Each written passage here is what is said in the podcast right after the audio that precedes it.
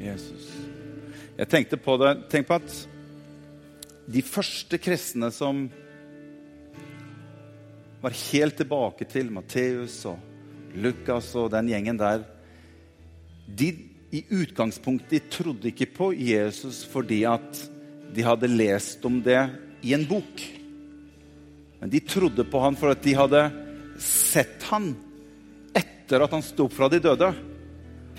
Så når du leser hva disse gutta forteller om når de blir konfrontert med troen sin, så sier de så klart om igjen og om igjen Den Kristus som dere korsfestet, han har stått opp igjen. Og så sier de Og vi, sier han, vi er vitne til det. Vi har sett han. Han har vært sammen med oss. Så det er ikke fordi at vi har lest om noe i en bok, og så har det blitt en teori. Nei, vi har opplevd, vi, vi, har sett han. Han har vært sammen med oss. Vi har spist sammen med han. Vi har snakket sammen. Han har stått opp igjen fra de døde. Det var utgangspunktet for troen til de første kristne. De hadde sett han stå opp ifra de døde. Og Det er derfor de skriver alt dette ned i Bibelen. For at de som kommer etterpå, skal kunne få lese at jo, de første de hadde faktisk sett Jesus stå opp igjen. Og det er litt forskjell på det, er det ikke det? Hvis det var ingen som hadde sett Jesus etter hans oppstandelse ah, Men disse gutta og disse jentene de hadde sett Jesus stå opp inn fra de døde. Og Derfor skriver Johannes at vi har skrevet ned disse ting, sier han for at dere skal tro at han som døde, har stått opp igjen. For vi har sett det. Vi så han, vi var sammen med han. Og Derfor så tror vi på Jesus. Kan jeg få et skikkelig godt ammen på det? Og så kan dere få lov til å sette ned alle sammen. Takk til alle lovsangere og musikere. Fantastiske musikere dere hadde her i dag, altså. Det må jeg bare ydmykt og beskjedent få lov til å si. Utrolig bra. Eh, det er jo litt, er jo litt morsomt å, å, eh, få lov til å være med og spille litt innimellom. Det er, eh, det er, det er noen som sier at de er født med ski på beina, men jeg tror jeg ble født med et piano. Så jeg skal ikke komme inn på det i noe mer detalj, men, men jeg har alltid elsket å spille piano og være med og lede mennesker inn i Guds nærhet. Har dere det bra? Jesus lever. Eh, fint å se noen som eh, ikke har disse snøabstinensene, som jeg kaller det for snøabstinenser. Det, det, er jo litt rart, det er jo litt rart at vi nordmenn vi, vi er endelig kvitt snøen.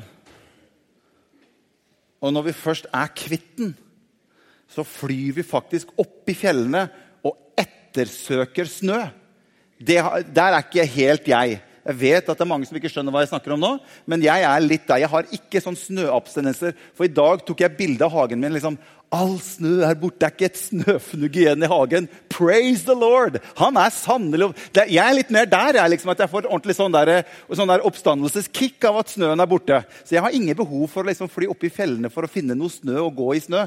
Men eh, Gud velsigne dere altså, som, som, eh, som, eh, som, gjør det. Men vi skal eh, være sammen her, og vi skal dele noe som jeg har lyst til å ta litt i, i påfølgelse av den forrige søndag, palmesøndag, som jeg opplevde fantastisk bra å være i Guds hus. Mange mennesker som, som ønsket å ta en beslutning for Jesus. Mange mennesker som ønsket å rekommitte sitt forhold til Jesus. Og vi, vi har kalt disse to søndagene for 'Du er invitert'. Og vi snakket forrige søndag jeg snakket helt veldig, veldig enkelt om hva er det du og jeg er invitert til.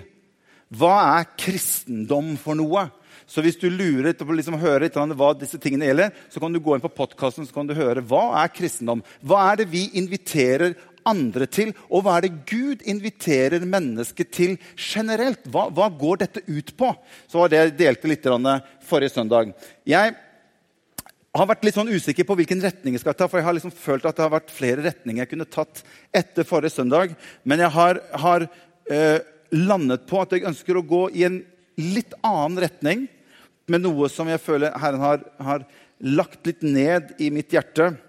Eh, og jeg har kalt det som jeg skal dele for dere i, i formiddag, for Guds kjærlighetsbrev. Eller ett kjærlighetsbrev. Og Jeg har lyst til å ta utgangspunkt i et veldig, veldig lite brev som ligger rett før hebreerbrevet i Bibelen. Det brevet er det Paulus som, som, som har skrevet. Eh, Paulus han skriver, dette er, det, dette er, det, minste brevet som han skrev. Og, og, jeg tror kanskje det er det minste brevet som er i hele Det nye testamentet. Jeg har lagt hele det brevet inn på én en foil, et bilde, sånn at dere kan få se at det går an å få plass til hele dette bildet inn på én foil. Så jeg var så heldig å få tak i originalen av, av, uh, av, brevet.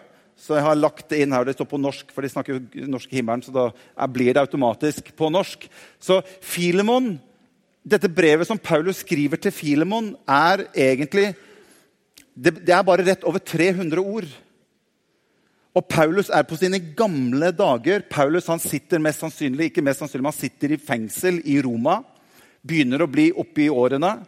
Og skriver et lite, kort brev til en god venn av seg som heter Filemon. Filemon for Paulus sin del er som en åndelig sønn, og det skriver han også om i dette lille brevet som han sender til Filemon. Filemon han er en slaveeier. En velstående på den tid, for der var det sånn at vi har ikke så veldig, si, I vår kultur så er jo ikke akkurat slaveri det som vi på en måte verdsetter noe særlig. På denne tiden her så var det mye mer vanlig å ha tjenere og slaver. Filemon var en slaveeier, og det viser at han var i det høytstående sjiktet i samfunnet. Paulus skriver til Filemon, for Filemon hadde kommet borti Paulus sin tjeneste og Filemon hadde tatt imot Jesus til frelse. Og så skriver Paulus dette brevet til Filemon en tid etterpå. Han skriver ikke til Filemon om Filemon, men han skriver et brev til Filemon om en annen mann som heter Onesimus. Så Filemon han er slaveeier, og nå skriver Paulus et brev om en annen mann som heter Onesimus. Han er slave og han er en rømt slave. Paulus han sender et brev til Filemon. Og det som er litt ironien, det som sånn som, som, jeg syns er så spesielt i dette brevet som jeg har lyst til å bare gå, Er det greit at vi går litt sånn inni dette brevet og, og henter ut litt sånn hva som ligger for deg? Det, det er så kort men likevel så er det altså så enormt stort og så, så, dypt i dette lille brevet som Paulus skriver. Så jeg har lyst til å dele noen tanker med dere rundt dette, dette brevet her. For han skriver til Filemon, ikke om Filemon, men han skriver til Filemon om Onesimus. Og det som er litt rare, det er at Onesimus, som er en rømt slave, er Filemon sin tidligere slave. Så Filemon kommer borte i Paulus sin tjeneste og tar imot Jesus til frelse og blir født på ny.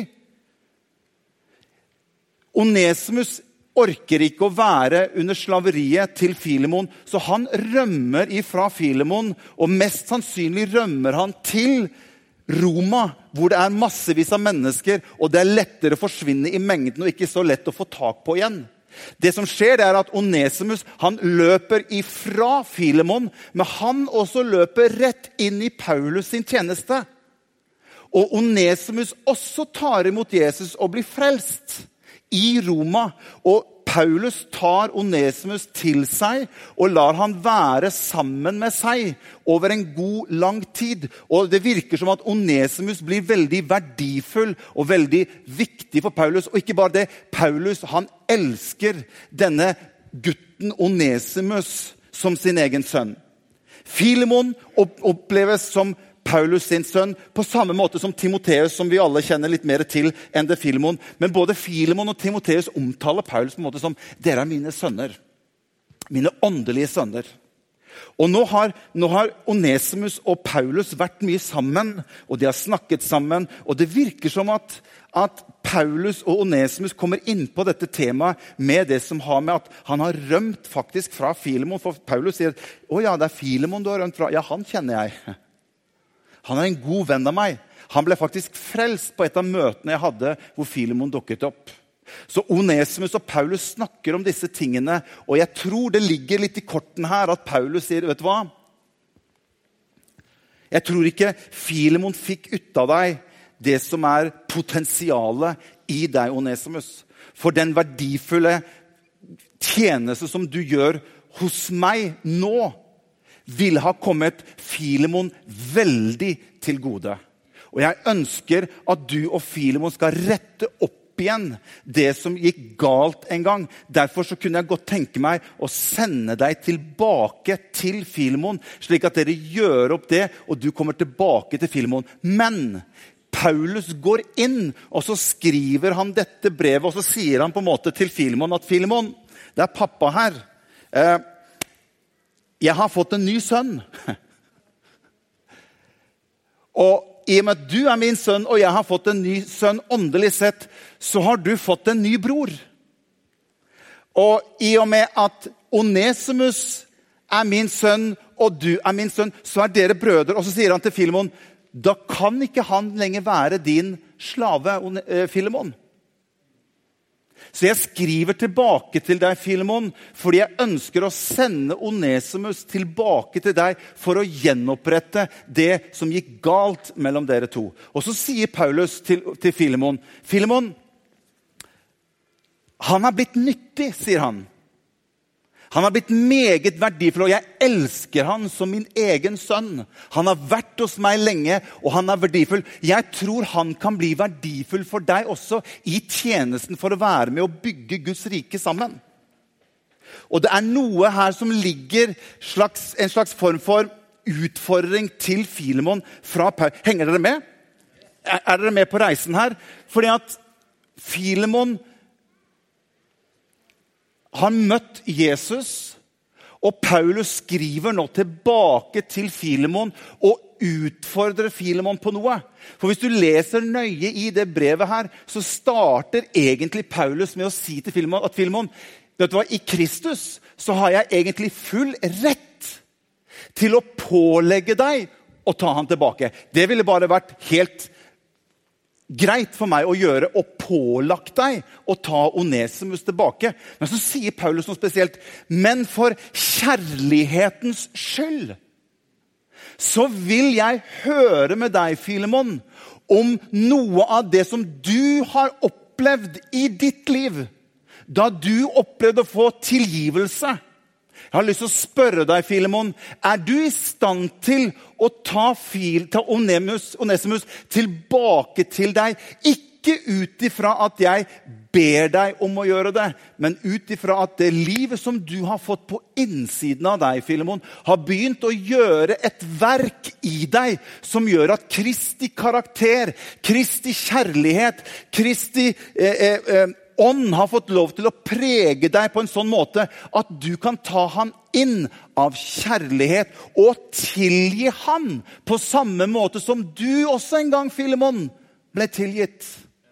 Kan du gjøre det? Kan, hvis du hadde tatt han tilbake på dette grunnlaget, så sier Paulus det hadde gledet mitt hjerte storlig om det var fordi at du valgte og sa ja, jeg skal ta han tilbake, og jeg skal tilgi han, og jeg skal ta han tilbake, ikke som en slave, men som en bror.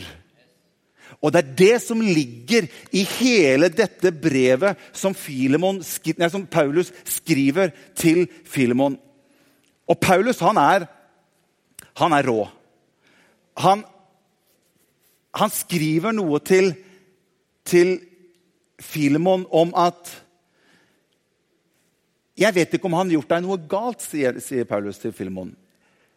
Jeg tenker jo som så at hvis, hvis, jeg hadde vært slave og jeg har bestemt meg for å rømme vet ikke hvordan du hadde tenkt. Jeg har tenkt, jeg prøver å få med meg et eller annet hvis jeg først har bestemt meg for å stikke det, hadde jo jeg liksom, Her har jeg vært så urettferdig behandlet i så lang tid. Nå stikker jeg. Jeg, tar, jeg vet jo hvor han har tingene sine, så jeg, jeg, jeg plukker jo med meg litt når jeg først stikker. Og Paulus skriver til Filip og sier han, hvis han har gjort deg noe galt, og så sier han, eller om han skylder deg noe, så kommer Paulus inn og sier han, så sett det på min regning. Husker du hva vi snakket om forrige gang? Om å få vår, vår konto godskrevet med Guds kjærlighet. Det minner meg om en annen historie også, om den barmhjertige samaritan. Hvor han henter denne mannen, plukker han opp som har blitt skamslått av røvere langs veien, tar han med til herberget og sier til den, den, den lederen av herberget hvis han kommer til å koste deg mer, så bare sett det på meg. Jeg skal betale. Og Paulus sier til Filemon at 'jeg er god nok til å betale'. Det vet du. Så hvis han skylder deg noe, så sett det på meg, Filemon. Men jeg tror han kommer til å være til god nytte for deg når han kommer. Fantastisk.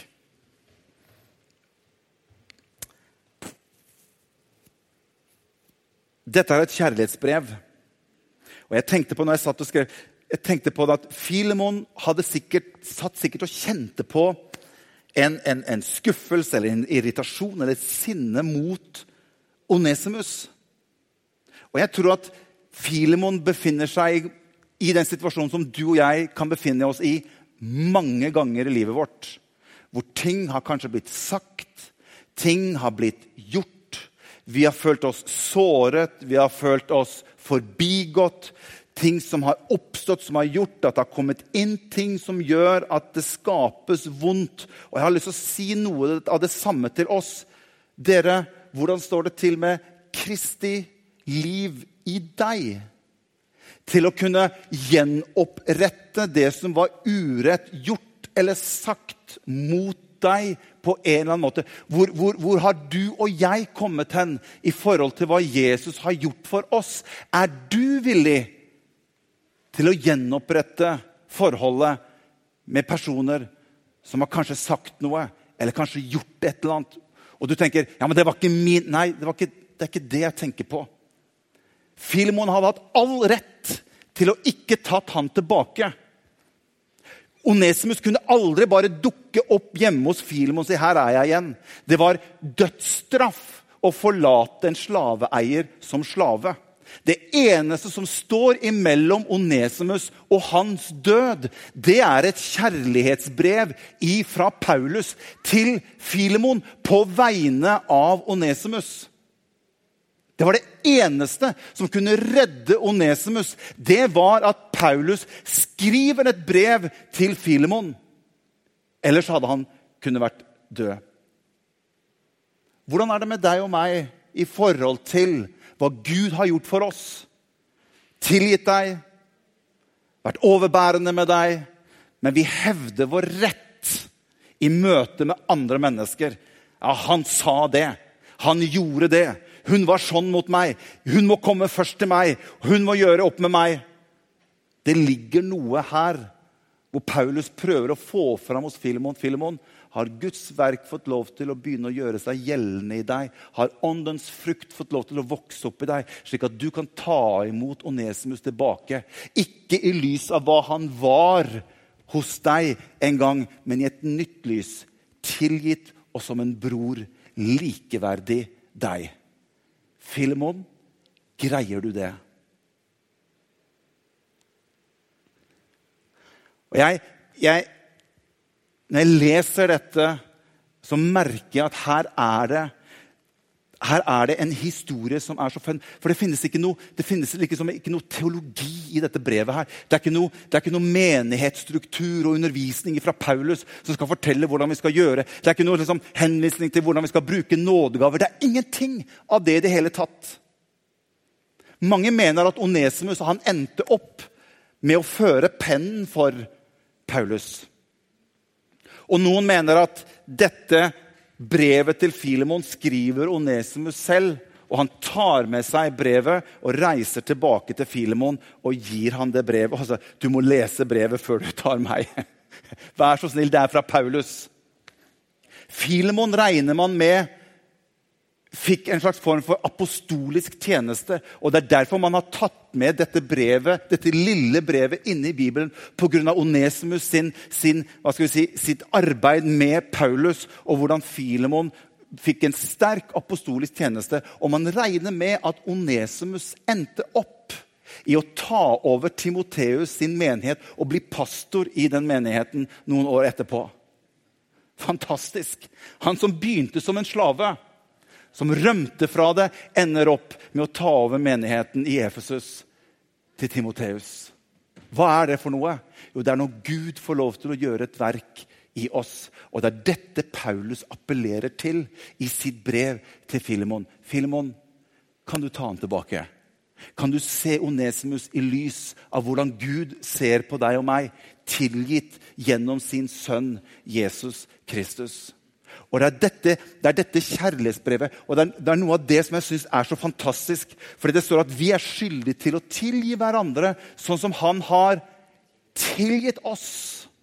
Det er selve karakteren, det er selve fundamentet i selve kristendommen. Det er at du og jeg vi er skyldige i å tilgi hverandre sånn som han har tilgitt oss i utgangspunktet. Og det er ingen som beskriver dette noe bedre enn Johannes gjør.